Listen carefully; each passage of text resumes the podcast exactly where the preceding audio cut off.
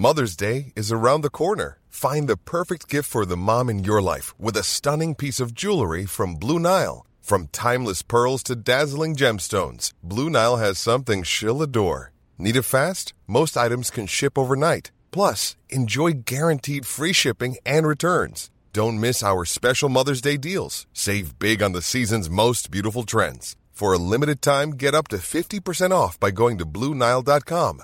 That's BlueNile.com.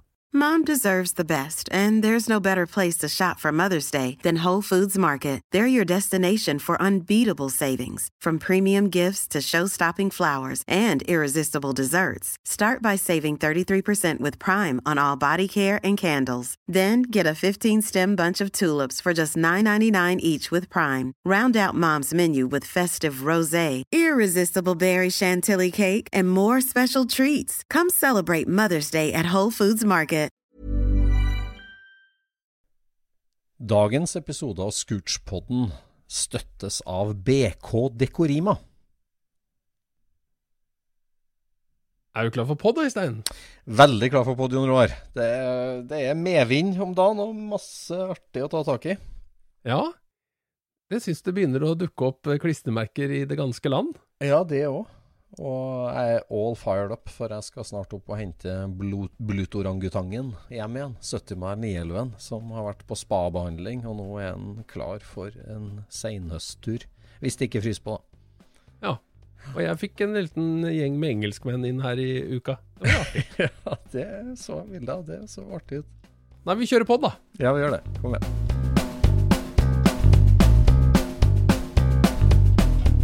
Du lytter nå til Scootspodden, en norsk podkast om klassisk bil med Jon Roar og Øystein.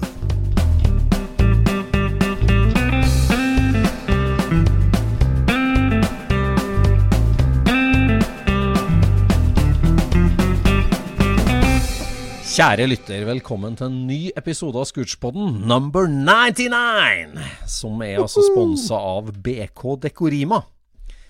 Ja, sponsa Det var vel egentlig standen vår på Oslo Motorshow som var eh, sponsa. Ja, det var det jo. Og vi, vi er jo som gutta ute til lunsj, vi snakker om ting som har hendt oss. Og Ja, sant, det gjør vi, altså. ja, vi gjør det, vet du. Så ja, takket være BK Dekorima så stilte vi jo med den kongestanden, vet du. Med banner og greier. Ja, og det fiksa de kjapt òg. Banner og klistremerker til eh, knallbra pris. BK Dekorima har jo levert merch til norsk bilhobby i over 20 år, så du vet jo at det er kvalitet. Ring oss, prat med Arne, så blir det greie på sakene. Ja, det blir det å si. BK Dekorima i Sandefjord. Ellers, Ja. du fikk eh, engelske felger levert på døra, du. Ja, men det får vi ta en, eh, ta en annen pod når vi har litt bedre tid. Ja, For Har du nå- notert, Bjørn? Fortsetter jo lista med gjester fra Oslo Motorshow. Ja, for et repertoar. Altså, første episoden nå. Kjempehyggelige gjester, og nå har vi en ny batch liggende klar.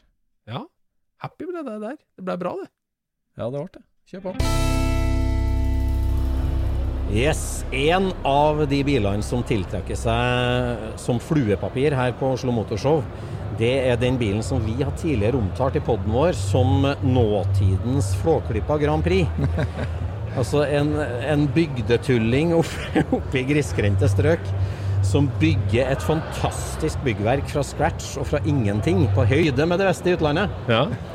Derfor er det veldig hyggelig at vi greide å huke taket der blant folk her. Kjære Vidar Haugen, velkommen hit. Takk for at jeg fikk komme. Vidar er mannen bak den helt utrolig aluminiumsblanke A-Ford-raceren, som eh, mange sikkert har fått med seg på sosiale medier og i trygt presse. Gratulerer med en fantastisk bil, Vidar. Takk for det. Hva er det folk spør om når de står ved siden av bilen din? Nei, det, det går jo mye på detaljnivå hva som var tanken bak det egentlig. Ehm, og det begynte jo delvis som en, et mål om å bygge en, en nordisk spesialbil. Ja. Ehm, og ønske Mjøsområdet har jo en rik historie på akkurat det med israce, og, og, og jeg fulgte med på mye av det. ja. Og lysten da, til å eie en nordisk spesial. Ja, ja. Men uh, det er jo vanskelig å få kjøpt en. Ja, det er jo det. Ja, for du må jo ta to setninger om det. da. Nordisk Spesial det var jo en egen racerbilklasse. Ja, sånn. det, det begynte jo etter krigen med å bygge racerbiler av Norge var jo ikke et veldig rikt land. og det er jo noen som hadde noen veldig flotte biler, men det ble jo stort sett bygd av gamle personbiler. Ja. Eh, og det ble bygd mye av det, og det var jo veldig stort. Mm. Eh, Mjøsrace er jo det, var jo det var jo internasjonale Grand Prix på, Mm. på Lillehammer i både 32 og 34, tror jeg. Mm. Så det var rett og slett ønske om å ha en sånn en, og så balla det egentlig litt på seg, da. Eh, Nordisk spesialbiler ser jo ikke sånn ut. Eh, Nei, den er litt for forseggjort. Ja. Men når du har litt heng til detaljer, så, så har det en tendens til å ta litt innimellom. Ja, Det er jo det vi har blitt så imponert over og fulgt deg, kan jeg si, Vidar. Det er, det er liksom bare en liten bryter blir til et lite kunstverk. For, sånn, for du maskinerer og filer og sliper og lager alt sjøl. Ja, hele målet er jo å bygge, bygge. Ja. Målet mitt er ikke å bli ferdig med noe. Nei. Uh, Sånt liker vi, Øystein. Sånn liker vi. Ja. Ferdig bil er jo moro, det, men, eh, men det er jo det å bygge som er prosessen i det. Lære seg ting. Ja. Gamle håndverksskikker. Ja. Så det er jo, og da blir det jo mye detaljer. Men hva slags bakgrunn har du da, for å, altså sånn yrkesmessig? skal jeg si, det, det å maskinere og lage og støpe og ordne alt det du har gjort, det er jo Nei, altså Jeg er jo utdanna bilmekaniker. Jeg har aldri jobba så mye som et kvarter som bilmekaniker, men eh, jeg driver med biladministrasjon til daglig. Ja. Sitter på kontor, Ja. og da må du få noe kreativ utfoldelse på kvelden Ja. og natta. ja, det er et helt vanvittig prosjekt. Altså, Blir en sånn bil noen gang ferd, helt ferdig, tenker du, eller har du Ja, altså, det er alltid noe du kan fikse på og ordne litt. Nå skal jeg se litt på utvekslinga i bakakslingen, det litt sånn småtteri. Men bilen er i stor del ferdig. Ja. Og brukes til det den skal brukes til. Ja. Eh, vi har kjørt Røme to år nå. Fantastisk opplevelse. ja. Ja. Så nei da.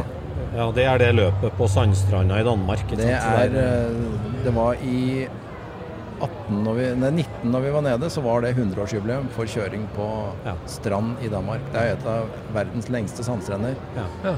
Seks kilometer lang, 600 meter brei. Og det er et folkeliv uh, uten like. Ja. I, I år så slutta de å telle besøkende på 35 000. Ja. Oi. Så Og hvordan blir bilen mottatt der? nei, det er jo Den blir jo godt mottatt, men det er jo også veldig mange andre sånne fine biler som blir bygd. Ja. Men det er ikke så veldig vanlig i Norge. Nei. Og Nei, der, er litt uh... der har du lagt lista høyt, altså, for andre nordmenn som skal følge etter. Ja, men det er flere biler som blir bygd, og det er, eh, det er et visst miljø. Men det er veldig vanskelig å få sånn godkjent, da, for det er noen regler i Norge som Ja. umuliggjør dette der. Grann. Men Ja. Uh... Ja, nei, for det, du har jo tatt utgangspunkt i ei A-Ford ramme, og så er det en flathead V8-er, og så er det et helt selvbygd aluminiumskarosseri. ja, det er 29 A-Ford i bånn. Ramme, foraksel, eh, radiatorkappe. Ja. Og resten er bygd. Hvem er det som er interessert i bilen her på Oslo Motorshow? Er det, er det noen fellesnevner? Er det eldre folk, yngre folk? Nei, egentlig Jeg tror hun fenger litt begge, begge leire, egentlig. Ja. Eh, det er nok like mye yngre som syns den er litt sær og rar. Ja. Dette er jo gammelt for de fleste. ja. Eh, Det er jo ikke så mange av oss som driver med 20-30-modeller mer. Men vi uh, vi ser jo det at ting utvikler seg. ja. Men uh, fenger interesse, altså. Han gjør det. Ja. Men det er jo sært. Det er sært. Men det er utrolig artig å se på. Jeg vet ikke Altså Sjøl med eh, hvilken, hvilken utfordring eller detalj eller del var vanskeligst? Dere krevde mest tenking for din del? Altså, den delen jeg kanskje brukte mest tid på, det er kanskje den giroverføringa. Eh, for jeg hadde fått opp i huet mitt at jeg skulle ha giroverføring i aluminium. Litt frik på aluminium. Lagde to svære, digre konstruksjoner som, med flotte greier med, i aluminium. Men de fleksa når du girer. Det ble ikke bra. Det tok lang tid før jeg måtte innse at eh, slaget var tapt, og måtte bygge i stål. Ja. Ja. Eh, Så det er vel kanskje den enkeltdetaljen jeg brukte mest tid på. Ja, Herlig. Er det noe annet for deg da som fester seg her på Oslo Motorshow, som gjør inntrykk? Du, Det er jo aldeles fantastisk. Dette er jo en folkefest. Dette er jo 17. mai og julekvelden og nyttår på én gang for bilidioter. Så nei, det er nesten vanskelig å si noen enkeltdetaljer, men det er, det er mye fint her, altså. Ja, det er mye fint. altså. Utrolig moro. Det er veldig artig. Og det, jeg syns det er så artig at det er nytt og gammelt om en annen. Det er liksom, ja, Du Ja. har 100 år gamle biler, og du har ett år gamle biler. Ja, Det er jo det som er så viktig med det. Skal vi få Ja. nyrekruttering i det miljøet her, så Så nytter ikke sitte og bare tenke på én ting. Nei, alle må bli eksponert for alt. Du må det. Ja. Og det er jo veldig artig å se at ungdommen driver med det hun driver med. Ja. Det er fantastisk. Veldig artig. Bare det durer. Ja, det bare. Men du da, hjemme i garasjen nå, når uh, A4-raceren er ferdig? i hermetegn? Nå gjorde jeg stand eh, en gammel ungdomssynd i vinter. Jeg kjøpte meg en Hydraglide når jeg var 20, tror jeg, Ja. i Sør-Carolina. Så ja, den har fått ny maling i vinter. Og Ja. så har jeg så smått begynt på en Studebaker nå i, eh, nå i vinter, da. En Studebaker? Ja. Aha. Det er en 8-29-modell sportsturer Ja. med et episk dårlig karosseri. ja. Eh, Jeg har litt av bakdelen og noen dører, og resten må bygges. Og Det er sånn jeg liker. Så, Ja, ja. Skal det bli originalbil, eller skal det Nei, det blir ikke helt originalbil. Det er Nei. ikke helt greia mi. Nei. Det er eh, jeg, Karosseri på den her er litt sånn snarlikt Bentley eh, Ja, ja. Blowere. Oi, Så jeg har bygd en ferdig en eh, frontkompressor til den. Oi, oi. Oi. Eh, Men ellers så blir den ganske original. Ja. Eh, Men ikke, kanskje litt lettere skjermer. ja. eh, Og Så litt sånn småtteri. Fy søren, det var veldig artige tanker.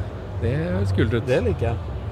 Da blir det Oslo Motorshow ikke neste år, kanskje, men om en stund. Nei, det tar noen år det her òg. Men uh, målet er å ha ferdig ramme i vinter. Ja. Uh, og begynne å montere kompressor og motor, og så får vi se på karosseri neste vinter igjen. Og så Ja. det er et par år med detaljer, så Ja, det er herlig. Veldig hyggelig at du svingte innom Scootspoden. Takk for at jeg fikk komme. Og gratulerer med en helt vanvittig Il Tempo Gigante. Fantastisk. Takk for det. Takk og takk. En av de bilene vi har gleda oss aller mest til å se her på Oslo Motorshow, det er den legendariske Freia-bilen. Og det er veldig vanskelig å få et ord med eieren av eh, Freia-bilen, men nå har vi greid å huke tak i den. Velkommen til oss, Kjell Ivar Haltvik. Takk skal du ha. det. Det har vært travelt. Åh. Over all forventning, det da. Ja, Eh, fenomenalt. Ja, jeg vet ikke hva jeg skal si. Jeg trodde ikke at det var så stor interesse for så gammel bil, når at det er sportsvogner og racerbiler og hyperbiler og plastikk som ikke er så Men jeg ser jo ungdommen trekker litt dit, da. Men overraskende mye ungdommer i går òg som var borte med oss, Ja. Ja. og spurte og var nysgjerrig. 100 år gammel bil. Ja. Og så er det som fluepapir. Vi har jo stått ved siden av hverandre her, og det, ja, det er jo folk rundt deg hele tida. ja, jeg er deg klar. Du har fortalt historien noen gang. Om, Ja, noen ganger. Ja. Hva spør folk om, da? Hva lurer jeg mest på? Alt.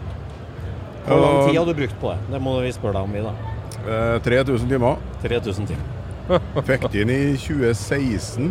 Eh, på samme helga som Oslo Motorshow var i 2016, så lasta jeg opp en i Oslo igjen. Og så lurer jeg den oppe i boligfeltet og gjemte den, og så tok han med meg hjem når jeg kjørte hjem fra motorshowet. Da. ja, ja. Fem år siden. Fem år siden. Fy faen. 3000 timer. Ja, hva er det folk eh, lurer mest på eller spør deg om, liksom? Mm, Mange som tror det er Freia som har stand der, da. ja. Men det, kan vi det på, det kan vi passe på å si nå, at det har de jo absolutt ikke. ikke Nei, sant? De ikke. De, har- de ønska bare lykke til, og så ble det ikke noe mer. Nei.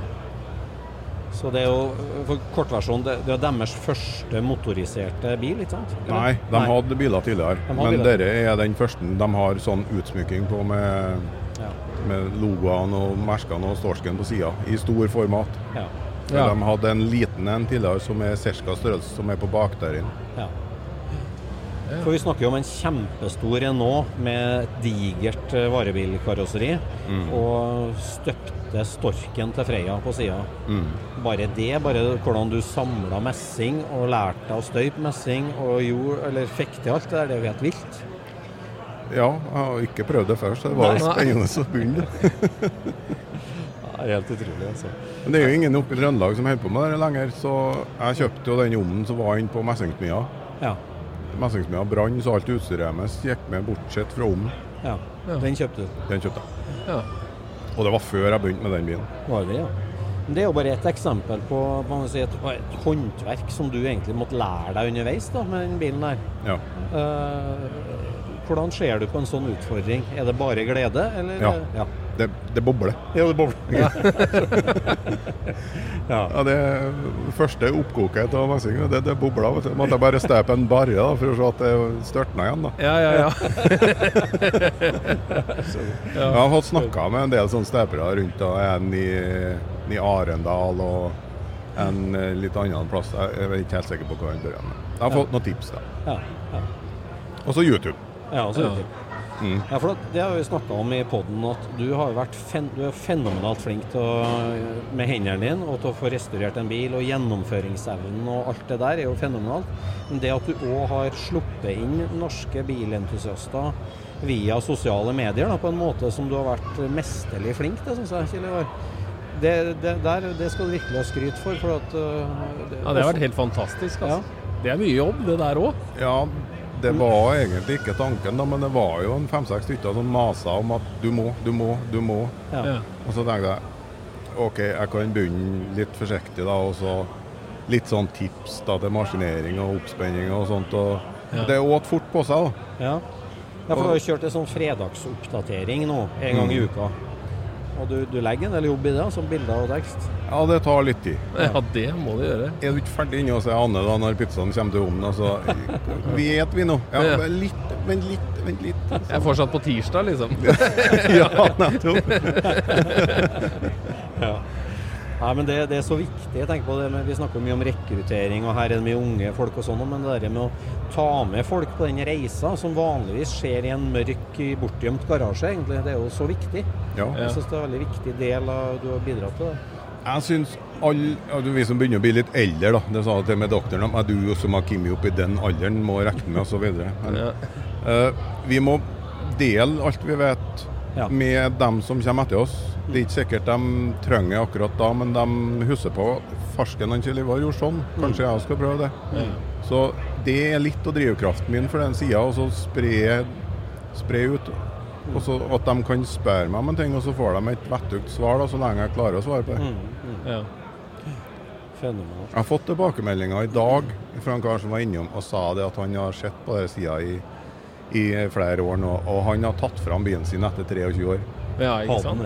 Ja, da ble det litt sånn Det er fjær i hatten. Mm.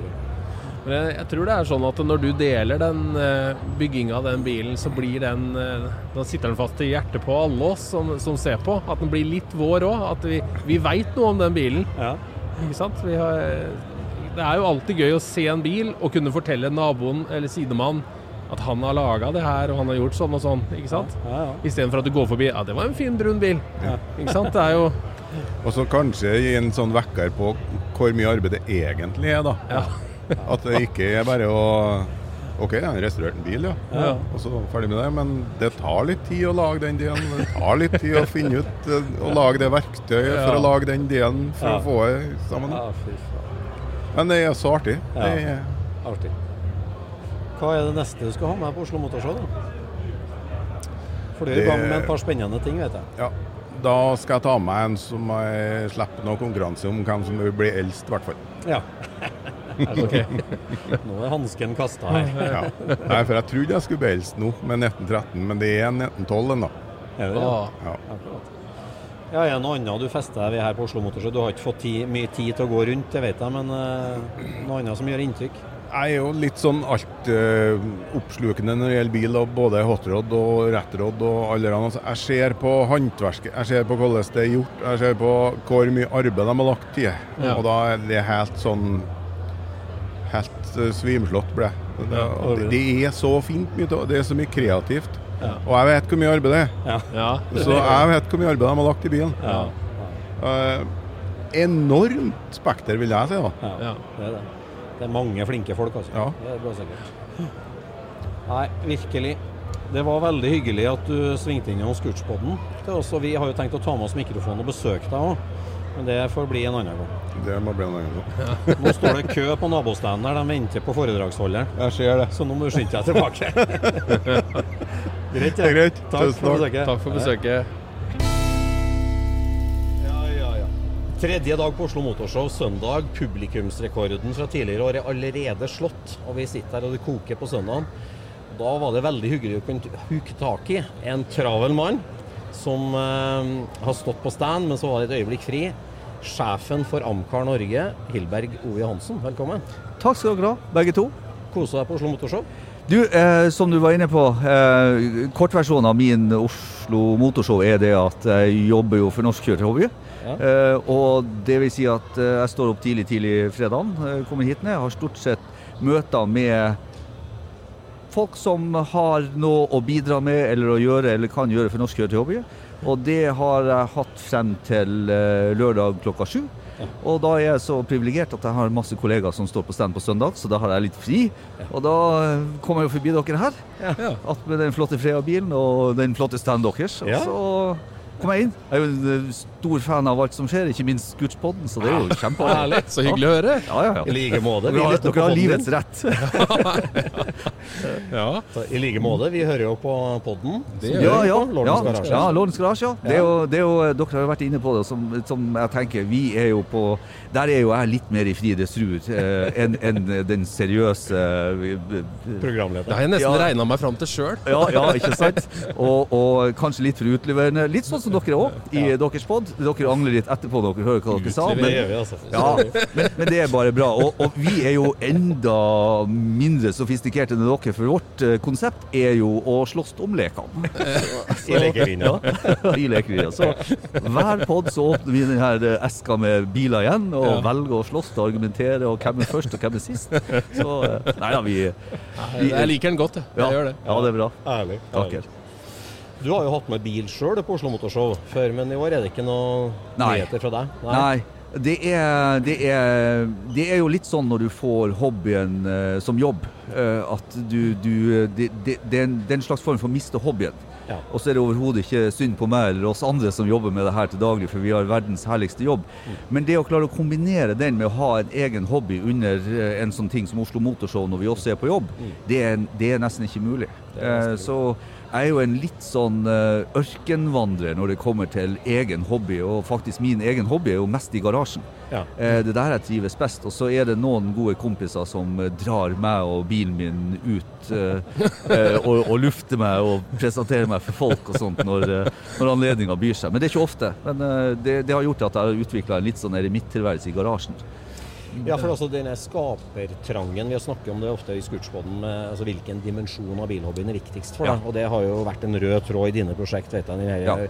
Litt i for, eller alltid i forkant. Nye ting, spennende ting. Mm. Og som du sier, lukke garasjedøra og skape noe virkelig sjøl. Ja, ja. Og gjøre det. Og det hvordan, hva, hva skjer i garasjen nå da hos Hilberg? Ja, De fleste ville jo ha sagt ingenting, Ja. men, eh, men eh, jo, det skjer nå. Eh, Men i hodet ditt så skjer det jo også. ja, det er veldig viktig. Eh, Jeg er ekstremt til å beholde driven selv om jeg ikke er til stede. Ja. Og også det at eh, eh, når jeg, når jeg får tid, så må jeg være effektiv. Uh, Så jeg må jobbe mye. Jeg, jeg kan fortelle eh, jeg holder jo på med et litt enklere prosjekt enn Citroën SM. Ja. Eh, For at det er en sånn type GT-bil. Enkelt, litt Ja, ja, noen vil kanskje si det. Jeg syns jo det er bare Lego, så det har ikke noe å si for meg. Men, men for noen så er kanskje det litt rar bil. Eh, og og da, da hadde jeg jobba sånn sju til ni arbeidsdager hver uke i over 60 uker, så, så jeg unna meg litt fri. Og da fikk jeg 130 timer i garasjen på ei uke. Og hvis dere oh, begynner å regne, så føler dere at uh, det var ett døgn uten søvn og ett døgn med tre timers søvn. Og, men da hadde jeg lina opp så mye deler og så mye klart at det var bare å gønne på å jobbe. ikke sant? Så jeg satt mer eller mindre bilen sammen på, på den uka jeg hadde fri. Men jeg, jeg er jo sånn at jeg har parallelle prosjekter.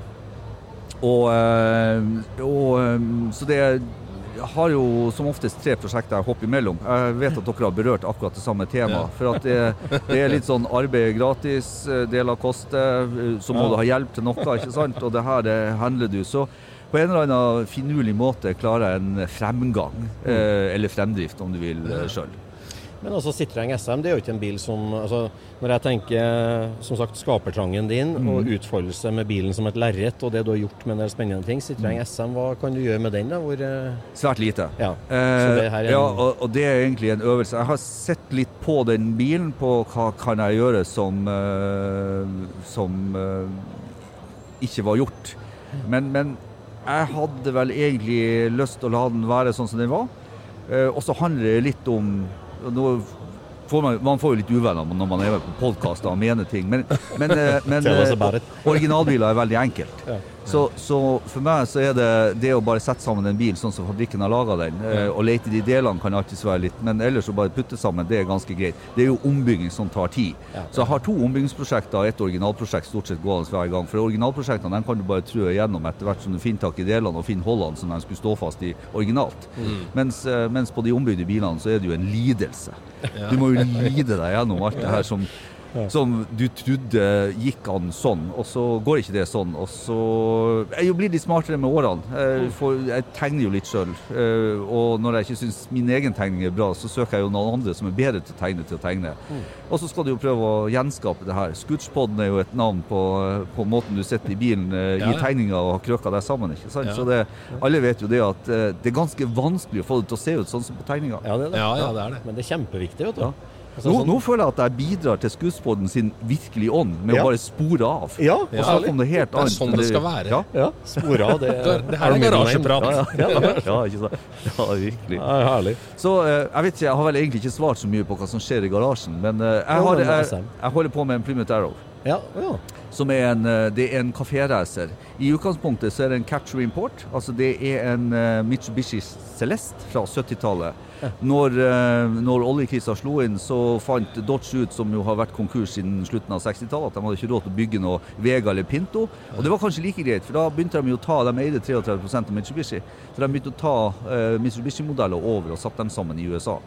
Eh, de her eh, Plymouth Arrowene er jo kjent fra Don Prud Home sine The Snake, eh, Funny Car karosseri, og veldig ofte, for de patta inn eh, 500 kubikktommers hemimotorer i dem. Men jeg har jo gått den rake motsetninga og fant jo tilfeldigvis en eller annen gråtkvalt gammel fyr i California som lurte på hvordan i all verden jeg hadde funnet ut at han drev med sånt. For det nemlig på den tida så var det den bilen med størst firsylindra motor. Den 2,6 liters firsylindra Mitsubishi-motor her. Eller det er en Diamond Star-motor fra Chrysler Mitsubishi. Og den ble brukt i den minste Scorpio-klassen i Baja 500. De trimma hemningsløst på dem på slutten av 70-tallet og 80-tallet. Og det her fant jo jeg ut, for jeg ville ha en sånn mekanisk Cars and Coffee-bil. Ja. Den skal bare gå 3,5-5 km. Den skal ha maks turtall på 140, og det skal skje fort. Så jeg kjører med sånn 488 og 14-toms hjul, og det, det er femtrinnskasse, tettsteger. Det skal bare være sånn maniac. Kaféracerbil, er jo Ja, et konsept, da. Ja. Eh, altså, Ja, Ja. så jeg har studert kaféracersykler ja. ja, for å få en inspirasjon til kaféracerbil. ja, så Så det, det, det er bare minimum. Ah, Hva ligger igjen i garasjen da? Mm. Hva ligger igjen i garasjen etter du har bygd den? Hva mangler? Ja, nei, det er egentlig ikke så mye. For, at, eh, for dem som kjenner japansk bilindustri på den tida, det var ikke mye, altså. Nei, det var ikke Det det, var ikke det, altså. Nei, det, du trenger det meste. Du, du gjør faktisk det. det. Det er nesten sånn du kan vurdere om du skal Nei, det, det er egentlig ikke det er, ikke noe, det, er, det er bare en bil med sete og et lett dashbord med fake uh, woodgrain på. That's it. Han, han, altså disse bilene er jo, de finnes jo nesten ikke lenger. Det har jeg jo oppdaga, for jeg har gått gjennom fem delebiler for å finne deler. Ja. Så det er jo sånn, Jeg er jo stort sett alene i garasjen, og da hører jeg jo til og med den bilen jeg holder på med, ruste. Så, så, så jeg må jo skynde meg å få primer på den. Så det, vi, Det her gleder vi oss til å se. Så Ja, vi- Nytt leketøy i Ja. lekegrinda. det. Ja. Kaféreisebil. Ja. Kaféreiseboble begynner jeg å tenke på Hvordan skal den se ut? Ja, så, så la meg bare For da traff jeg jo da han California-fyren som jo tilfeldigvis hadde masse sånn type Weber 48 og innsug og billetopp og sånt liggende til de her eh, motorene. Så du lager en steintøff, eh, svinrå, nesten treliters eh, firer med tettstega femtrinnskasse og 488 i bakakselen. Og nei, det, jeg gleder meg som en unge. det Det er Det gjør vi òg. synd, synd at det ikke er en totakter. Fy fader. Ja. Så kult. Så er det 835 kilo. Ja, det gleder vi oss til. Skal du på Carlsen Coffee til våren eller? Med den? Ja, det er det som er meninga. Så Ja. nå står karosseridoljen eh, nesten klar. Eh, spenner den opp, har og patcher et par hold eh, under, og så skal den inn til eh, tørringsblåsing under. For det er en USA-bil, så den er sånn helt sånn knusktørr under, så jeg må få unna det. Og så skal den inn og lakkes, og så er egentlig det meste annet ferdig. Så da er det bare å montere på. Ja. Og som vi har hørt tidligere, det tar 130 timer ei uke. Da, men jeg har jo vært stor i kjeften før med hvor kort tid jeg skulle bruke på å bygge en bil, så det tar vi ikke noe mer her. Vi snakker jo om det, vet du, at jeg gruer meg så alltid til dørene på bil. Ja. det er det siste du gjør på Ja. prosjekt. Ja. Er det? Ja, det er det. Det er det siste du gjør. Eh, og da må du bare ta tid. Og har du justerbare ruteramme og håndtak og sånne ting, så er det Det, er det er nervejobb. Det er nervejobb. Ja, Du ligger flere netter våken før du drar ned, og så begynner du sånn forsiktig. Og så midt i prosessen så blir du ganske motig, for du syns det gikk riktig bra inntil du prøver å legge den til første gangen og bare ser at enten så har lakkereren rørt på taket, eller så har døra slått seg, eller så Ja, du, du begynner rett og slett å tvile på egne evner til slutt. Ja. Altså Her på Oslo Motorshow så henger du mer i kaféracerhjørnet og, og ins blir inspirert, da? Eller er det Eh, ja, akkurat nå kom jeg jo derifra, for det er jo like ved siden Ja, av her. ja. Så da, da, da så jeg to tøffe. Jeg så en totakter eh, Yamaha som eh, jeg syns nailer det på motorsykkelsida. Jeg så også en eh, en eh, Triumph Scrambler som jeg også syns nailer det veldig bra. Så ble jeg inspirert av, eh, ble inspirert av det. Men, men det er jo litt på sida. Nå er det jo løpet litt kjørt i forhold til uh, Arrowhead. Ja. Der er du. Har Der, du der er jeg på mange måter ferdig. Ja. Jeg syns det er et perfekt bilde på norsk bilhobby òg, når vi snakker om at Oslo Motorshow her koker det. Amcar vokser hele tida til den store bilhobbyorganisasjonen. Og sjefen sjøl skrur Citroën og Mitsubishi hjemme i garasjen, så er det, da er det jo sirkelen slutta. Det er konge. Ja, ja. ja. Eh, Vi, vi, Men, uh... all rasisme er, og bås er bort, Ja. og vi er alle glad i hverandre. I hele. Det er veldig bra. Nei, men Det var veldig hyggelig at du svingte innom Skurtspodden. Bare trivelig. Og så gleder vi oss til nye episoder av Lordens Garasje. Ja. Og takk for alt du gjør for oss bilgale i Norge. Hilberg. Tusen takk. Takk i like måte. Takk for at dere bidrar òg. Ja. Takk, takk. Ha det bra. Her på Oslo Motorshow så er det jo alle greiner av bilhobbyen og motorsykkelhobbyen. Og et, eh, en ting som jeg har lagt veldig merke til når jeg drar på svenskehandel, i de tidene man drev med det, så krysser jeg grensa mellom Kongsvinger og Charlottenberg, og en svær, gigantisk mø gammel møbelbutikk langs veien der har blitt til Norges største MC-museum. Og Det har jeg lagt merke til. Jeg har stoppa og kikka inn litt vinduene der når jeg kjører på ugunstige tider. Og da var vi heldige at vi fikk huka tak i sjefen for Skandinavisk Motorsykkelsenter, Glenn Kjellnes. Velkommen til Skurspodden. Takk, takk. Veldig hyggelig. Dere har en flott stand her med mye spennende motorsykler. Er det stor interesse for motorsykkelhobbyen her på Oslo Motorshow? Ja da, det virker som det er bra interesse. Mange som er interessert i spesielt eldre veteransykler, 20-30-tall. Å ja. Det er det folk spør mest om. Ja. Oi. Er det det? Vi har, eh, vi har en eh, sånn hjemmesnekra utgave av en gammel NV-motorsykkel fra 28 som eh, trekker veldig mye folk. Og det er blitt tatt massivt mengde med bilder av. Ja. Ok.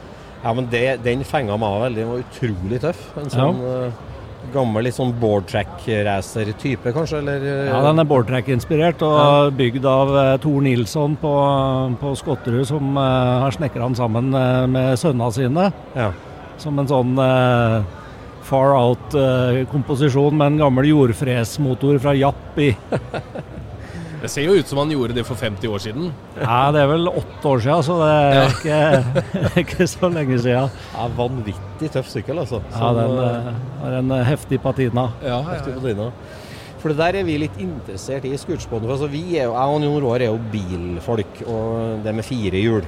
Ja. Men det er jo veldig mye trender og, og sånne ting som, som um, flyter imellom motorsykkelhobbyen og biltrendene. Så det med patina f.eks., eller gamle racerkjørere og Ja. bi, billøp, motorsykkelløp. Ja. Altså, de her Trendene der er ganske parallelle, egentlig, motorsykkel og bil. Det virker nesten sånn, ja. Og det, det med at man har drevet med patina og gammel nedslitt lakk på bil, har jo antagelig smitta over på MC-miljøet òg. At, mm. at det blir mer og mer populært. da. Ja. At eh, den trenden kanskje blir uh, Fjerne skillet mellom MC og bil. Ja, Ja. ja. Men er det altså blant folk her og kundene deres på Skandinavisk eh, motorsykkelsenter, er det, er, det, er de bil- og motorsykkelfolk, eller er de på hver side av streken der? Eh, Nei da, de fleste driver på med begge, begge hobbyer på et eller annet vis. da. Ja. Ja. Eh, familier ofte som er motorinteressert, Ja. som har kanskje motorsykkel og bil som hobby. Ja. Eh, mange av dem som bygger motorsykkel har jo en eller annen kul bil, og motsatt. Ja. Mm. Hva, hva gjør dere på Skandinavisk motorsykkelsenter? da? Fortell oss litt om det. Nei, vi har eh, et senter da, med forskjellige eh, deler. Da. Vi har et eh, museum som er jo det største, da, som eh, har 160 pluss motorsykler fra 1902 og oppover til 80-tallet. Ja. Og så har vi et par-tre sånne utskudd som er moderne, som, men som er så rar at vi må ta dem med likevel. Vi har en sånn V8-shopper fra USA med Corvette-motor og noe Ducati som er moderne, laga i noen få eksemplar. Ja. Ellers er det gode, gamle veteran-MC som er liksom eh, essensen vår, da. Men eh, låner dere inn alle de syklene, eller er det ei samling? Eier dere dem sjøl, eller hvordan er det? Vi eier vel omtrent 20% av dem sjøl. Ja. Og så har vi, har vi en, eh, en gjeng med tre-fire sånne massive MC-samlere som har lånt oss eh, ganske mange sykler. Og så har vi en gruppe entusiaster som har én eller to sykler som gjerne vil at de skal bli vist fram. Ja. Og har kommet da sånn og bydd fram eh, litt eh, MC da, som, vi, som vi har tatt inn i huset vårt. da. Men jeg skjønner at dere driver jo verksted òg? Vi har et eh, vanlig MC-verksted. Ja. Eh, der har vi jobba mest nå da, siden vi starta med å restaurere gamle sykler. For eh, en del av de gutta som eh, har litt mer volum. Ja. Eh, men eh, nå får vi godkjenning eh, på, fra Statens vegvesen, sånn at vi kan begynne å ta vanlig service og vedlikehold i tillegg til å bygge. da. Ja akkurat. Skjønner. Så vi har både lakkavdeling og, og vanlig mekanisk. ja. Og dere kan ta hele restaureringa, rett og slett? der altså? Ja da. Ja. Vi gjør alt. Vi har maskineringsavdeling og, og lakk og hele pakka. Yes. Alt fra liksom å strippe ned og lage manglende hardware og sånne ting, til ferdig lakkering og montering. Da. Yes. Tøft. Så tøft. Ja. Ja. Hva er den typiske kunden der, da? Er det liksom folk som har et nostalgiforhold til en sykkel, eller er det samlere, eller?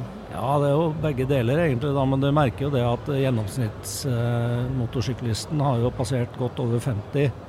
Ja. Og det er jo en del sånne ihuga samlere oppe i 60-åra som har romslig økonomi og, Ja. og er opptatt av eh, enkelte spesielle typer motorsykler da, som, eh, Ja. som dukker opp iblant. da. Mm. Så, Men er det sånn som med, med bil, at det er vanskelig å restaurere innenfor verdien til det, du, det ferdige resultatet? ja, det varierer jo hva slags type sykkel du har, da. Ja. Men eh, det er jo mange som er litt mer nostalgisk, da, som ja. hadde en sånn og sånn når de var 16. Ja. Det er jo et veldig vanlig tema, da. Mm. At uh, man eh, vender tilbake til ungdommen. da. Liksom det, det er det som har brent seg fast i, i hjertet, da. Ja. Lettmotorsykler er veldig populært. Ja. 100-kubikkere. ja, akkurat. Det er det veldig mye fokus på. Vi har jo hatt gamle menn som har stått og grått ute i utstillingshallen når de har kjent igjen sykkelen de hadde når de var 18. og Ja, det. Men her på messa nå, da, dere har en flott stand som du sier, og masse folk innom. Hva folk spør om og snakker om? da? Nei, Det er jo eh, for å informere om at vi fins, da. Ja. Og de aller fleste har aldri hørt om oss. Vi åpna jo i juni, så vi er ikke så veldig gamle. Nei. Eh, Men nå som motorsykkelsesongen er på hell, så har vi litt lite besøkstall. Så det passer jo veldig bra med Oslo Motorshow nå, da. At Ja. vi får Ja. et lite oppsving. Ja, skjønner. Så da reklamerer dere for restaureringstjeneste og, og service og alt dere Ja, og at folk bare rett og slett tar seg en tur og kommer og betaler inngangspenger og går inn og ser på den samlinga vi har og de installasjonene som vi har laga. Ja. Mm. For å lage, det er ikke bare en oppstilling av sykler. Vi har jo flere forskjellige moment i eh, motorsykkelmiljøet, som eh, et gammelt verksted som vi har lagd sånn som det var på 30-tallet, og en boardtrackbane og litt sånn forskjellige sånne ting. Nei, var tøft. må vi ta oss en tur. Ja. Herlig. Er det mm, her på Oslo Motorshow nå, det, får du kunder her da? At, du- at du tenker at det er folk som sier ja, jeg har en gammel motorsykkel, den må eh, Lakkavdelinga spesielt har nok skåra ganske høyt, eh, for vi har laga en sykkel til messa for Ja. å vise fram lakkavdelinga og litt grann hva vi driver på med. En, Ja. en gammel jernsportstur som eh, han lakkereren vår på Briljant MC har gått bananas på. da. Den blir lagt godt merke til i uh, lyskasterlyset borte hos oss. Ja, Den ja. glitrer i det fjerne. Ja, ja. Det er ikke noe støv i lakken. Nei, absolutt ikke. Så, nei, den, eh, den har slått an. Så, men vi håper jo på at det er noen som dukker opp da, deler ut noen flyers. Og, Ja, ja. Men du da som daglig leder, da, som har det her som jobb, får du, har du motorsykkel som hobby òg. At du skrur litt sjøl, eller? Ja da, jeg driver jo verkstedbiten sjøl. Ja. Eh, og så har jo hobbyen blitt jobben nå, da. Ja, jeg skjønner. Jeg har jo vært vanlig åtte til fire-kar før, men eh, heldigvis har det begynt å gått over nå, da. Ja, jeg skjønner. ja, herlig. Nei, Vi lot oss i hvert fall veldig inspirere av det herlige blikkfanget du hadde der. og Det, det er artig der altså med de parallellitetene. Vi som bilfolk da tenker jo da at eh, å restaurere en bil er veldig komplisert og tar mange år, men en motorsykkel det må du kunne gjøre på en juleferie, liksom. Men det er jo ikke helt sånn. Nei, det stemmer jo ikke helt, da. men eh, men det, det er nok, du er nok inne på noe der, da. For at det, det er jo eh, mer overkommelig en motorsykkelrestaurering enn en, en bil ofte, da. Ja, ja. Og så er det jo det som er fint, at det tar ikke så mye plass. Nei, det er akkurat det. Det er det. En demontert bil, den tar enormt mye plass, altså. Ja. Ja, du kan ikke ha den i stua heller. Eh, du. nei. Ja, det var veldig hyggelig, Glenn, at du svingte innom Scootspoden. Og så Ja. ønsker vi dere lykke til med Norges største MC-museum. Ja, vi legger til en liten ting. og På, I morgen på mandag så prøvekjører vi den eh, første eh, utgaven av mekkeklubben vår for ungdom. Jaha, Og vi har invitert da, ungdom fra 13 til 18 år for å komme bort og lære seg å, å skru Ja, så bra. på noe Så annet enn eh, PC-en og, og telefonen sin. Ja, ja, ja. Og Det er jo noe som eh, vi som er litt oppe i åra bør begynne å få med oss, at rekrutteringa er laber, og at vi er nødt til å ta tak i dem som er sånn eh, 13 pluss, og lære dem å holde fast i en eh, skrunøkkel. ja. Prisverdig og viktig innslag, absolutt. Selv om vi har jo observert her at det, det er mye ungdommer altså, på Oslo Motorshow. Ja, Det må jeg si. Veldig, veldig, veldig bra. Det er veldig bra. Det passer fint som siste ord, det. Ta Ja. vare på ungdommen. Ta Helt klart. Takk for besøk. Takk for meg. Takk for besøket. På Oslo Motorshow så skjer det masse spennende. og På fredagen så var det avduking av en av utstillingas virkelig godbiter. Og den som dro trekket av eh, denne flotte bilen, det var sjefen for Norsk Veimuseum og Norsk Kjøretøyhistorisk museum, Geir Atle Stormringer. Ja, Velkommen hit. takk for det. Og eh, jeg er spesielt glad for at du innleder med det, Øystein, fordi eh, dette her er jo et nasjonalt klenodium. Ja, virkelig. Eh, Det er jo et kjøretøy som forsvant fra radaren i Norge sånn rundt 1971, men var velkjent i entusiastmiljøene. Uh, og har da tidligere tilhørt uh, den store operastjernen Kirsten Flagstad. Så skulle altså operaen ha et, eh, en markering i fjor. Kirsten Flagstad, eh, Kirsten Flagstad hadde da et jubileum. Og eh, der var det altså en entusiast som heter Terje Jacobsen, som, som jobber. Altså han jobber på operaen. Men han er samtidig også en ihuga eh, veteranbilentusiast. Ja. Han hadde sett et bilde av Kirsten Flagstad foran en gedigen bil. Ja. Og så tenkte han eh, den bilen der, hvor blei det av den? Den hadde vært utrolig tøft å fått den på markeringen av Kirsten Flagstad eh, sin, sin jubileum da i, i fjor. Så begynte han å gjøre research, da. Ja. Og ha et stort internasjonalt nettverk, Terje Jacobsen. Og fant bilen hos en eh, privat samler i Nederland. Men var han, han da vært gjenstand for eh, de her tidlige veteranbileksporten fra Norge, egentlig, med altså, Ja. Kile-brødrene Ja, eller noe sånt? eller? det stemmer, stemmer. Mm. Uten at jeg skal tillegge den ene eller andre personen eh, æren eller eh, Ja, miskreditt for at bilen ble eksploatert. Eh, Men det stemmer. Altså, Den finnes, og den har blitt tatt vare på. Det er jo det viktigste, Ja. tenker jeg. Og nå er den tilbake. Det er akkurat det. Så eh, hele historien da endte med at eh, Norsk Veimuseum da, og jeg kjøpte tilbake til bilen eh, i, for et år siden. Eh, forhold, ja, for øvrig på eget budsjett. Eh, Og fikk tilbake da et tapt nasjonalklenodium. Altså, det er jo verdens største kvinnelige sopran gjennom tider, Kirsten Flagstad. Og dette kjøretøyet som var spesialbygd og gitt til henne som gave fra The Metropolitan Opera i 1937. Ja, det er helt, helt fantastisk. Og for en bil! Den er jo så gedigen og så eksklusiv med denne ja, sjåførcompartmenten og operasangerens eh, Ja. bakdel. Fantastisk. Det er jo i utgangspunktet en Lincoln Model K, semi-collapsible ehm, eh, town car. Mm. Så eh, både sjåføren og Kirsten Flagstad kunne da sitte eh, i, eh, i, under åpen himmel. Eh, men det er jo Brun Company som bygde bilen. Eh, og det var jo bare sju stykker som blei laget. Og jeg, så vidt vi kan greie å se per i dag, så er det kun to, muligens tre, gjenlevende. Er fantastisk. altså Det er et sånt primex, eh, gyllent eksempel på hvordan akkurat dette Norsk kjøretøyhistorisk museum kan og bør og skal operere. Og, synes jeg.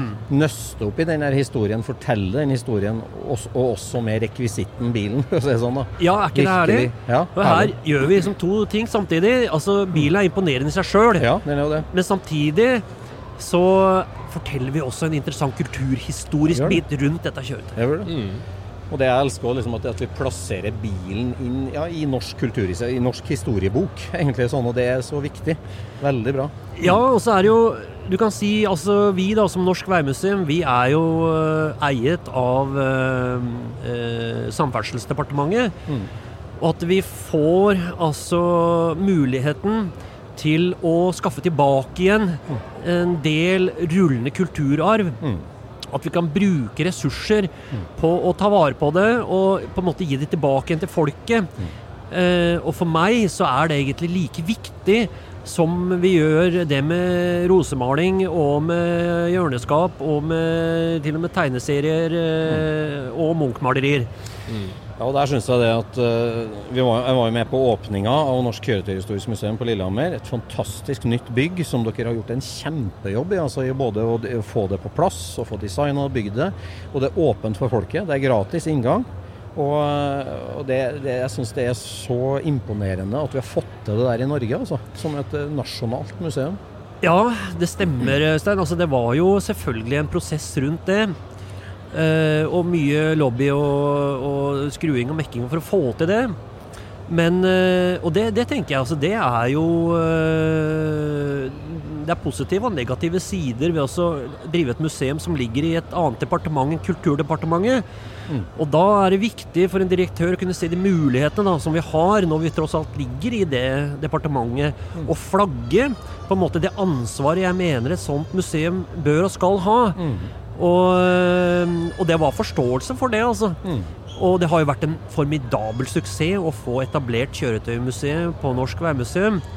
Vi hadde altså, når jeg starta på Veimuseet i 2010, eh, under 45 000 besøkende. I 2019 så hadde vi 100 000 besøkende. Ja, tenk det. Ja, Det sier noe om eh, den magnetiske kraften til bilen. Ja. jeg også. Ikke sant? Og det ser vi her på Oslo Motorshow. Jeg ble så glad når jeg så standkartet, eller eh, halvkartet her, at, eh, at du hadde plassert museet midt iblant en grisesenka Audi og en svær Amcar og alt sammen. At, at vi er til stede på en sånn møteplass og en arena. da, Vises fram. Veldig hyggelig. Det er jo mangfoldet, vet du. Mm. Og det Altså, du kan si her på messa på Oslo Motorshow nå på Lillestrøm, så ser jeg jo at eh, mangfoldet blir jo større og større for hver gang messa blir avvikla. Og så ser jeg også at eh, det er rekruttering. Mm. Ungdommen kommer. eh, De har sine greier. Og det skal være liksom eh, 12, 12 og 15 tommers basskasser og det ene med det andre. Men, eh, og det må vi akseptere. At eh, rekruttering og ungdommen har eh, sine greier. Men det viktigste, tenker jeg, det er det at eh, bilinteressen og bilhobbyen eh, vokser. Det er rekruttering, og det blir videreført. På standen her eh, på Oslo Motorshow da, var det masse folk innom. Jeg så en 14-åring som satt på kne foran linken og tok svært bilde av en nå når jeg var borte og fiska taket der. Og det, det, hva, hva spør folk om? Hva, hva sier folk som er innom standen din? Det er alt mulig rart, altså. Ja. Og det er noe med det der For oss som utstillere, da, oppleve utstillinga fra innsida. Eh, du har alt ifra nerden som kommer og peker på et kommafeil i, i teksten på skiltet, uh, til nutcase som uh, Altså som Ja, så det, det er hele spekteret. Hele spekteret. Ja. Det er veldig artig. Det er veldig artig. Um, har du gå, fått gått rundt om på messa og sett noe sjøl, uh, Det har jeg. ja. Hva er Så- det som har festa seg i ditt hode? Nei, altså du Jeg er jo uh, gammel hotroder. Ja. uh, og det, altså for meg så er jo eh, selvfølgelig design og alt dette her er jeg veldig opptatt av og veldig interessert i. Men det må være gammelt. Ja. Eh, sånn, er, sånn er det bare. Eh, så jeg, er veldig, jeg har en forkjærlighet for gamle ting, og helst ting som er halvferdig skrudde prosjekter, eller prosjekter som er skrudd sammen av entusiaster og flinke folk. Det, det liker jeg å se. Og der er det mye innenfor hotrod og custom som treffer meg. Ja. Men også øh, gammelbil som på en måte er øh, tatt helt opp ifra øh, to paller med deler til å, å kunne bli liksom presentert som et kjøretøy. Så det ligger nok mer til mitt interessefelt, da. Jeg skjønner. Ja, et, altså ikke bare er du jo direktør for museet og, og en travel mann der, du, du, du driver jo hjemme i hobby, hobbygarasjen din òg, du. Og skrur bil. Det gjør jeg. Mm. Og jeg har stadig noen prosjekter. Jeg tror jeg for øyeblikket har i hvert fall tre stykker. Ja, Vi har Gjennom flere år altså har jeg sammen med Cato Oppsetmyren på Frameworks, eller Rodco som det heter nå, da, så har vi hatt en Bonneville-racer under bygging. Ja. Eh, og den er, det er ganske heftig. En, en, en Jerry Livingstone i USA som har, uh, som har bygd motoren. En flathead-motor, en kompressormata flathead-motor. Sannsynligvis den mest potente flathead-motoren som fins i Europa. Yes. Og så har jeg en 36 pickup-prosjekt eh, gående, et Rod-prosjekt. Og så holder jeg nå på med en 41 Willys kuppe. Det er godt befesta i hotroden. Ja, så herlig. Har du tenkt å kjøre på Bonneville, eller? Ja, jeg har jo det, da, vet du. Men eh, jeg tror, altså, det er relativt høy gjennomsnittsalder på de som kjører på Bonneville. Så jeg, jeg, nå er jeg 58, så jeg tenker da, innen en tiårsperiode Ja. så er jeg eh, kanskje fremdeles en av de yngste gutta der. Ja, men Det blir artig når du skal ha din egen bil inn på stand her på Oslo Motorshow. Du, eh, du kommer med en av dem. Eh, Ja da, det, det kan nok eh, skje fortere enn vi aner. Men jeg må, må si det, da, Øystein, at jeg har jo generell eh, interesse for teknologi. Ja. Og det er jo bil ikke sant, og mye design, men altså, jeg er nutcase både på fly og tog. eh, og litt sånn forskjellig. Altså Blant annet så i, eh, for flere år siden så var jeg så eh, nerd på tematikken, altså utviklinga av Speedfire. Ja. og eh, skaffa Og dette var litt sånn mens, jeg, mens jeg studerte på universitetet. Det var før liksom internett kom. Og skaffa til veie alt av litteratur. Og jeg studerte arkeologi, da. Ja.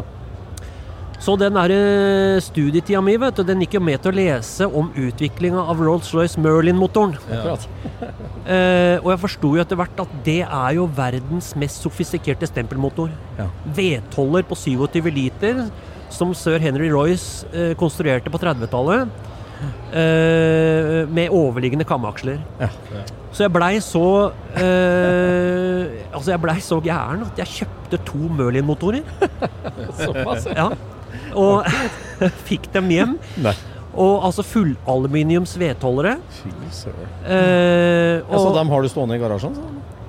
Nei, dessverre. Jeg hadde ikke råd til å beholde dem. Jeg hadde dem en god stund, og jeg greide pinadø meg å fyre opp den ene motoren i garasjen. Og jeg, jeg, jeg forsto jo ikke på det tidspunktet hva det vil si å fyre opp en vedholder på 27 liter på fri eksos inne i garasjen. Og Du trengte mer enn kjørsel der? ja, for det sto jo to meter flamme, flammer ut på hver side av eh, sylinderbankene. Og det var, ikke, det var faen ikke mulig å stoppe den galskapen heller, vet du. Og det, det fløyt jo rundt med høyoktan bensin på gulvet. Herregud. Ja. Så, så jeg sier jeg har altså en generell interesse for teknologi, og de motorene kjøpte jeg rett og slett bare for å skru dem fra hverandre og se hva er det for noe. Ja. Ja. Så artig. så artig. Du er en perfekt mann på riktig plass, du. I jobben. Høres sånn ut, ja. Ja, det var veldig hyggelig, eh, at du svingte innom Scootspodden. Og så gleder vi oss, jeg gleder meg til neste besøk. For på, på Kjøretøymuseet så er det en roterende del. Ikke sant? Det er en utstilling der dere varierer litt. Så der er det alltid noe nytt å se. Ja, det er det. Eh, vi har en fast eh, utstilling. Og i den faste utstillinga så inngår eh, Tink-utstillinga. Eh, Norges største hva skal vi si, industrieventyr på bilsida noensinne. Den er fast. Og så har vi en fast utstilling som går i kronologisk. Men så har vi, som du sier, en temporær sone. Og for øyeblikket så står det der nå over 50 eh, norske mopeder og motorsykler, te, type Tempo og Ja. osv. En eh, imponerende samling. Herlig. herlig. Tusen takk for at du svingte innom standen vår. Og øh, lykke til. Du skal prate mer Linken og Flagstad, du, tenker jeg, før helga er omme. Det skal jeg gjøre. Nå får jeg bort på standen og ta imot eh, flere interesserte. Tusen takk. Takk for det. Ja, ja, ja. Oslo Motorshow går mot slutten det siste dag. Publikumsrekorder er slått, øh, og øh, det har vært en kjempefin helg. Og så var vi veldig heldige å få tak i en, øh, en av heltene våre. Bjarne Reistad, velkommen til Skursbåten. Du verden, helt og helt. Eh, Jo, takk, eh, takk for å, å være så heldig å egentlig passere her helt eh, uten at jeg visste at, eh, at det var både studio og bil og alt her. Så Nei, Vi holder nå på vi da, vet du, med Scootspoden. ja, ja, ja, jeg har forstått det sånn at dere har vært eh, ivrige og tatt flere her, da. Så- Ja da, vi har fått en del perspektiv på ja, bilhobbyen generelt og Oslo Motorshow. da. Ja, ja. Altså, En av de tingene vi husker godt og liker godt med deg, da, Bjørne, det er jo det du gjorde med Classic Car Show. Altså Ja, ja, ja. classic-varianten av dette her. Mm. Hvordan er det å være eh, messearrangør og gå rundt på messe? Det er så deilig å komme hit og ikke ha noe med eh, noen ting å gjøre. Bare komme og være her og være seg sjøl. Ja. Ja. Det er så behagelig. Ja, det- Så jeg misunner ikke Tommy som, eh, som styrer det her. Nei, Vi har prøvd å få han i gjestestolen, eh, men det går ikke. Han er travel. Han er travel, og det skjønner jeg. Blir det noe mer Classic Car Show, da? eller? Mm, det tviler jeg på. Eh, ikke for min del, for at, eh, i dag så jobber jeg jo for Amcar. Ja. Uh, der er mer enn nok å gjøre. Og når jeg har sagt det, så er det mer enn nok å gjøre med et sånt show òg. Og det lar seg ikke forene, rett og slett. Nei, der, kom, der gjorde jo Amcar et kupp, og du gjorde et kupp med at, dere, at du ble ansatt og har vært med på det kjempeløftet som Amcar har vært gjennom de siste årene. At gjort Amcar uh, flerkulturell, skal vi si. Og, og det, Ja, multikulturell. du- multikulturell. Og du kom jo, eh, kom jo inn der, altså du hadde jo en egen merkevare, for jeg sier Bjarne Reistad, som eh, bilentusiast først, som du tar med deg inn i Amcar òg. Og så eh, og bidratt veldig godt til det enorme løftet som Amcar har gjort. egentlig. Altså, det er veldig spennende reise å være med på. Med. Ja, øh, jeg vet ikke rollen min oppi det her om den har betydd så mye, for det har jo vært gjort et øh, voldsomt arbeid før jeg begynte, så, så jeg kom nok litt øh, til dekka bord, vil jeg si. Ja, men jeg tenker Det er jo noe med når, når eh, en som du, da, som har vært profilert i både italiensk bilmiljø og andre bilmiljø, når du på en måte går inn òg som en ja, bjellesau i mangel av ordet bedre Ja, ja, ja. Så er det viktig og bra, syns jeg. Ja da, altså jeg kommer jo fra et annet miljø enn det som har vært tradisjonelt i Amcar. da. Så Ja. det, sånn sett så har jeg kanskje bidratt til å, å kaste litt lys over det, kan Ja, du si da. Ja, for du har en eh, spennende og imponerende bil-CV sjøl, du Bjarne. Du har jo vært på reise. Jeg husker jo Du var jo i Amcar for, i gamle dager. I gamle dager på 80-tallet så var det amerikansk bil som gjaldt for Mm. min del. men så havna du på en annen autostrada. Ja, så traff jeg min samboer i slutten av 80-tallet. og Så ble det noe litt, litt som familieliv. Men eh, det var, bilinteressen var jo alltid der. Jeg har alltid hatt biler. Men eh, ja, du skal nå gjennom den derre barn og, og alt det der. Ja. Og, og da strekker du ikke tida til så mye som du gjør ellers. Så, men det har vært hele veien, og vært masse forskjellige biler, og det syns jeg er veldig artig. Mm. Eh, noen eh, beholder jo bilene sine og koser seg med det. Mm. Og jeg er vel kanskje den motsatte, som har lyst til å prøve eh, mer, da. Ja, hva er den røde tråden i bil-CV-en din? Mm, det er vel egentlig ingen rød tråd, tror jeg. Eh, Men du har jo noe valg, du tar jo, mye, tar jo noe valg jo, eh, det er jo sant. Eh, mm, jeg kanskje litt mer på at bilene skal være litt sportslige. så er det Artig å kjøre. Uh, Utseendet betyr mye. Mm. Og så betyr det jo selvfølgelig En annen ting er jo at uh, hvis du bytter merke og biltype, så, så havner du faktisk i flere miljø som du kan lære deg å kjenne. Eh, og når det er sagt, så må jeg jo si at uh, miljøene Det er ikke så veldig stor forskjell på dem. Altså, vi driver jo med det samme. Mm. Og entusiasmen er like stor egentlig enten du driver med Audi eller eh, Ferrari eller hva det er. Mm. Så det, det, det går igjen. Men du har jo trivdes ekstra godt i ja, GT, Italia-miljøet, skjønner jeg. Men det, det har... Jo, jeg har jo vært opptatt av det. Eh, Biltypen eh, har jo et arrangement, det er bare en sånn tullegreie egentlig. Men eh, vi har nå holdt på med det i 15 år, og da har vi en sånn idé om at vi skal gjenskape nybilkjøperen av en GT-bil på 60- og 70-tallet. Ja, så, så, så da er det på altså, Vi er inspirert av James Bond og Gullguttene, hvis du husker det? Ja, ja. Det, det er litt sånn, da. Eh, så folk som treffer oss langs veien når vi stopper, de lurer jo sikkert på om det er noe karneval eller noe sånt, men eh, det er noe det er om å gjøre å se mest mulig Playboy ut, da.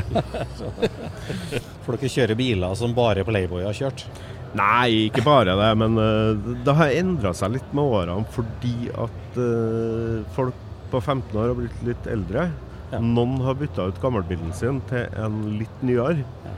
Så utgangspunktet var jo bare klassikere. Men når du har vært med i 15 år og kanskje ikke har den riktige bilen lenger, så er det vanskelig å si nei til folk som har, har vært med. Så, så jeg blir litt rundere i kantene på hva du kommer med. Det er mer at vi møtes og har den eh, trivelige helga en gang i året.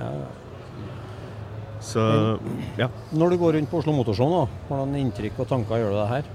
Nei, jeg må jo si det at det var jo et sjakktrekk eh, å lage den klassikerhallen med Ja. de 60 folkekjære bilene fra norsk trafikkbilde. Ja. Det må jeg si. er Veldig artig. Ja. Mm. Er en Trond Hylle som har fått den jobben og gjort det med bravur. Ja.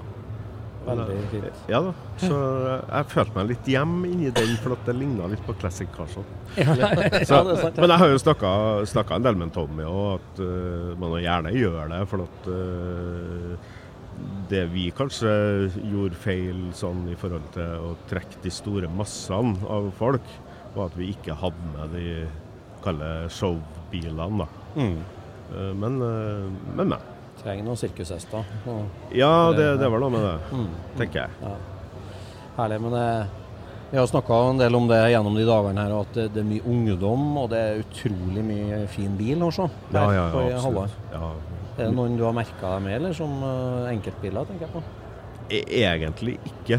Uh, jeg har uh, hatt en jobb å gjøre så jeg har ikke vært så mye rundt. og Derfor har jeg tilfeldigvis ramla rundt hjørnet her. Ja. Fordi at jeg skulle et ærend på en annen stand, og så Oi, her er jo, sitter jo Øystein, og du verden. Så, så um, Hyggelig. Ja da. eh, jeg har ikke fått med meg så mye, egentlig. For vi har vært og besøkt de tilslutta klubbene våre. Ja.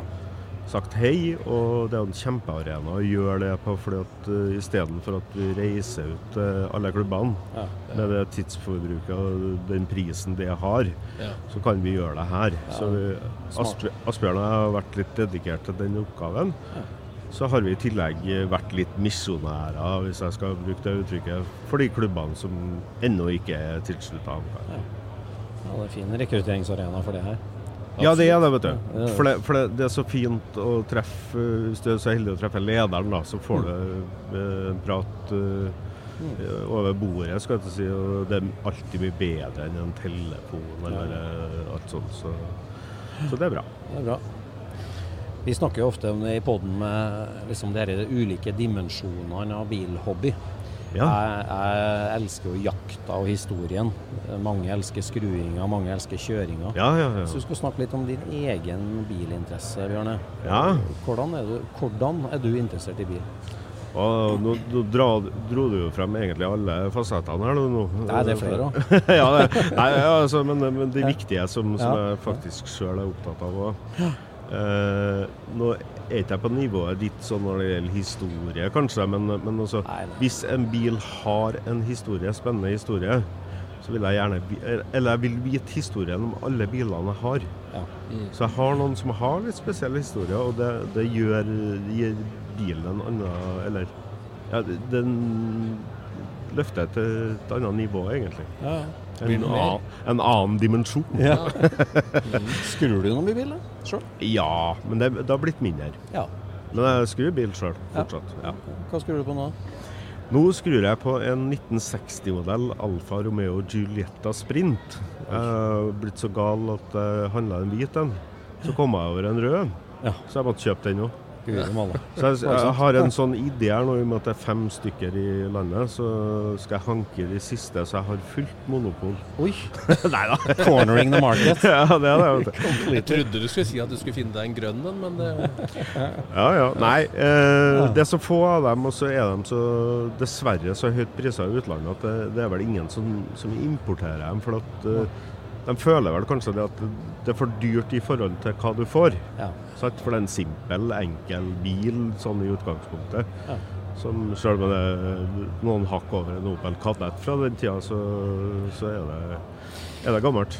Akkurat det med Alfa Romeo, da, nå sporer vi litt av her, da, men altså, der, vi prøver å forstå oss på en del sånn fenomen i bilhobbyen. For eksempel, Ja. vi, hadde, vi hadde en motorsykkelfyr her, så vi må prøve å forstå litt sånn Motorsykkeldimensjonen er en ting vi ikke forstår godt nok, som vi prøver å forstå. Men, og uten sammenligning for øvrig, altså Alfa Romeo, Mm. stammekulturen og religionen rundt Alfa, Mm. er sterkt og, og spesielt og Mm. annerledes mange Mm. andre merker. Mm. Jeg, jeg skjønner ikke helt det der. Prøv å beskrive det til oss. Hva Mm. er det med den? Nei, For det første så har de jo en, en massiv historie i løpssammenheng. Mm. Så De var jo, vant jo de to første Formel 1-løpene, og de drev jo egentlig med, med racing.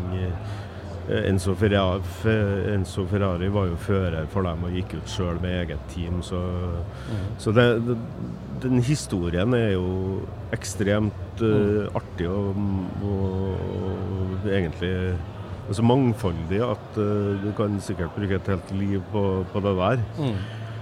Uh, så har de, med den erfaringa de har hatt med racing opp igjennom, så har det speila seg i kjøretøyene de har laga. Mm. Men de ble jo da til slutt tvunget, sånn som alle andre, til, å, til masseproduksjon. da, ikke sant? Mm, For å overleve. Og de har jo vært på randen av konkurs eh, flere ganger. Men, eh, men det er et eller annet med For min del så er det sånn at alt stemmer i en sånn bil. Altså, Så kjøremessig alt. Altså, den snakker til deg på en sånn måte at uh, du blir litt glad. Ja. Ja. Og, og Når du kjører? Ja, når du Ja. kjører. Mm. Og, ofte også når du ser på det. eh, For det er jo veldig fine design ofte. Ja. Så, så det, det er noe der som, som folk opplever, og jeg skjønner jo det at en alfist kan oppleves som en sånn Ja, øh, det er som har skjønt noe jeg ikke har skjønt. Øh, Ja. Sant? Altså, Ja. ja. Jeg føler litt Og, sånn. og det føler de sjøl òg, vet du. Og, Ja, men ja, de gjør det, vet du. Vi har skjønt noe som ikke dere har skjønt. Ja. Øh, og det, det det er akkurat sånn image jeg føler at det er. Mm. For jeg føler at liksom, jeg òg må skjønne det der, snart. Ja, ikke sant? ja. Nei, så eh, Det gikk jo mange år eh, før jeg kjøpte min første Alfa. Jeg tror det var i 98 eller noe sånt. Ja. Så var det en Alfa Sprint, en sånn uh, forhjulstrekker. En sånn uh, type um, ja, uh, Ut fra Alfasub da, så, så laga jeg fortsatt som sånn kuppé. Ja. Og den var til salgs for 10 000 kroner. Han jeg kjøpte den av, er i dag min beste venn. Eh, Så jeg kjøpte meg en kompis òg. Ja. Eh, samme slengen. Jeg er ferdig kjøpt, ja. Og jeg- jeg dro derfra. Pedalene sto smalt. Det var, det var så rart. Men etter en dag, uh, fått kjørt noen svingete veier, så var det liksom en sånn åpenbaring. Yes. Det her har jeg aldri opplevd før med en bil. At den snakker sånn og oppfører seg sånn. Og der var jeg solgt, der, vet du. Der var du solgt. Ja, og det tror jeg gjelder for de fleste alfister, at de har prøvd den og, og fått den opplevelsen. Og, og dermed så er man i fluepapiret. Ja, det kan vi si Noe som er så moderne med kundeklubber, for å kjenne kunden din og sånn, så tror jeg Alfa Romeo og Alfistene er i særklasse sterk der i, i bilmerket. Ja, jeg, jeg, jeg, tror du gjør noen bevisste valg i forhold til det, det er ikke så veldig tilfeldig når du kommer og kjøper en ny Alfa Romeo. Nei. Jeg tror det er vanskelige kunder, rett og slett. Men, mens du har f.eks. du har jo langt flere f.eks. BMW-entusiaster. Eh, ja. Men eh, der er det sånn at eh, kanskje 40 Det er kanskje ikke så mye heller. Altså, noen kjøper den bare for at de kjøper en bil. Mm, ja. mm. Nei, Det var kjempehyggelig at du kunne svinge innom oss her på vei. Nå er det jo tid for nedrigging snart, da, så det er ja, alle kluter til. Det er bare å få av seg dressjakka og på med arbeidsjakka nå, så er, er det over. Veldig artig, Bjarne. Vi følger med deg. Og ja. det dere driver med i Amcar og alt sammen. Så det setter vi stor pris på. Ja, jeg er kjempeglad for at jeg tok den svingen rundt hjørnet, for da fikk jeg endelig være med på den potten der. så det, det, det, er stas. Det, dere er jo heltene mine igjen. Så. vi har vitsa litt om det vet du, med Classic Cars og er to arrangørene, Sola og Månen. ja, Sola og Månen. Nei, veldig flott. Da er det på med arbeidshanskene, så snakkes vi, Bjørn. Vi gjør det. Takk for besøket. Ja, takk for meg. Takk for besøket. Yes, det var Oslo Motorshow oppsummert over to episoder. For et show. Ja, det var, det var konge. Jeg får litt sånn vi... Eh, goosebumps av å sitte her og høre på det, egentlig. Ja, vi hadde det, det gøy, altså. Så, vi hadde det gøy, og så mye interessante folk. Og så er det jo litt artig at vi kan ha to gjester som lager sin egen pod òg. Podgjest på pod, så det er jo litt artig. pod i pod, ja. ja. ja, ja. Lytt til Lordens Garasje, som Amcar sin eh, bilhobbypod. Ja. Um, ellers så må vi jo rette en stor takk til han Tommy og alle dem som arrangerer Oslo Motorshow. Ja. For, det er litt av en eh, greie de gjør for landet, altså. Ja, det er en arena for alt og alle. Eh, og i værharde Norge så en innendørsarena for alt og alle. Eh, de er flinke, syns jeg. Absolutt. Mm. Bra så, spredning. Stort, veldig bra spredning. Men vi ser jo hele tida opp og fram, så nå er det jo episode 100. Scootspod nummer 100. Hadde du trodd det skulle skje, Øystein?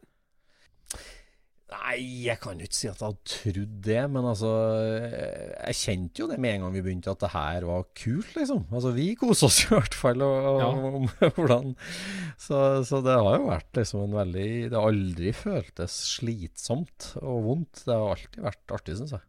Jeg husker i starten så var jeg sånn um, Kneika der å liksom komme over fire ja, ja. Jeg hadde ikke du lest noen sånn statistikk du, på at liksom de fleste podder snittvarigheten i 9,7 episoder? Jo, det var et eller annet sånt. sånt husker jeg. Nei, nå har vi 100 i kikkerten, og vi har jo tatt noen grep rundt episode 100 som, eh, kjære lytter, du har virkelig en rosin å glede deg til. Ja. Så er det bare å fortsette å sende inn eh, spørsmål til, eh, til episoden, for vi, vi, rekker jo å få det med. Ja, vi gjør det. Det gjør vi. Og det er jo liksom litt sånn klok fra det her julemysteriet vårt. Så det å liksom lage en slags sånn mystikk og se-moment og ei lita overraskelse underveis, det syns jeg vi har en bra tanke på. ja, det lønner seg å høre denne her til slutten, altså. Ja, det altså det, nummer 100. Altså. Det, ja, det er helt sikkert. Det blir som ei bok, ikke døm den bare på forsida. ja, sant det. Så den gleder vi oss skikkelig til. Altså, den er bare ei uke unna, den. Én uke unna tresifra? Ja, tenk det. Det blir en stund til neste jubileum. ja, ja, hvis vi skal gå for firesifra, så er det en stund, altså. Nei, det må bli, det må bli gallamiddag på 200. Ja, ja, ja, ja. Men før der så kommer jo jul, da. Der har vi ja, også planer. Der har vi også planer. Så eh, du vet hvor du har oss hen. Scootspoden. Ja, ja, ja. Lyden av norsk billobby. Og så må alle sammen eh, huske at hvis du har lyst på et klistremerke, så er det bare å hoppe inn på VIPS kontoen 701683 ja. og kjøpe klistremerke der. Følg oss på Facebooken, selvfølgelig. Og så er det jo patrons, da. Der Ja. har vi vært litt for dårlige til å nevne patrons, men det er en hyggelig greie, altså. Kan ikke mase om for mye samtidig heller, så nå maser vi mest om stickers. Det er koselig. Ja. Yes, takk for i dag. Takk for i dag. Scootchpoden produseres av SSC Media, med god hjelp av VV Norge og Trond Dahl for hosting, Knut Micaelsen for musikk. Abonner på Scootchpod via podcaster eller Acast, og følg Scootchpod på Instagram og se det vi snakker om. Der kan du også komme med kommentarer og innspill, og fortelle oss hva du vil høre om.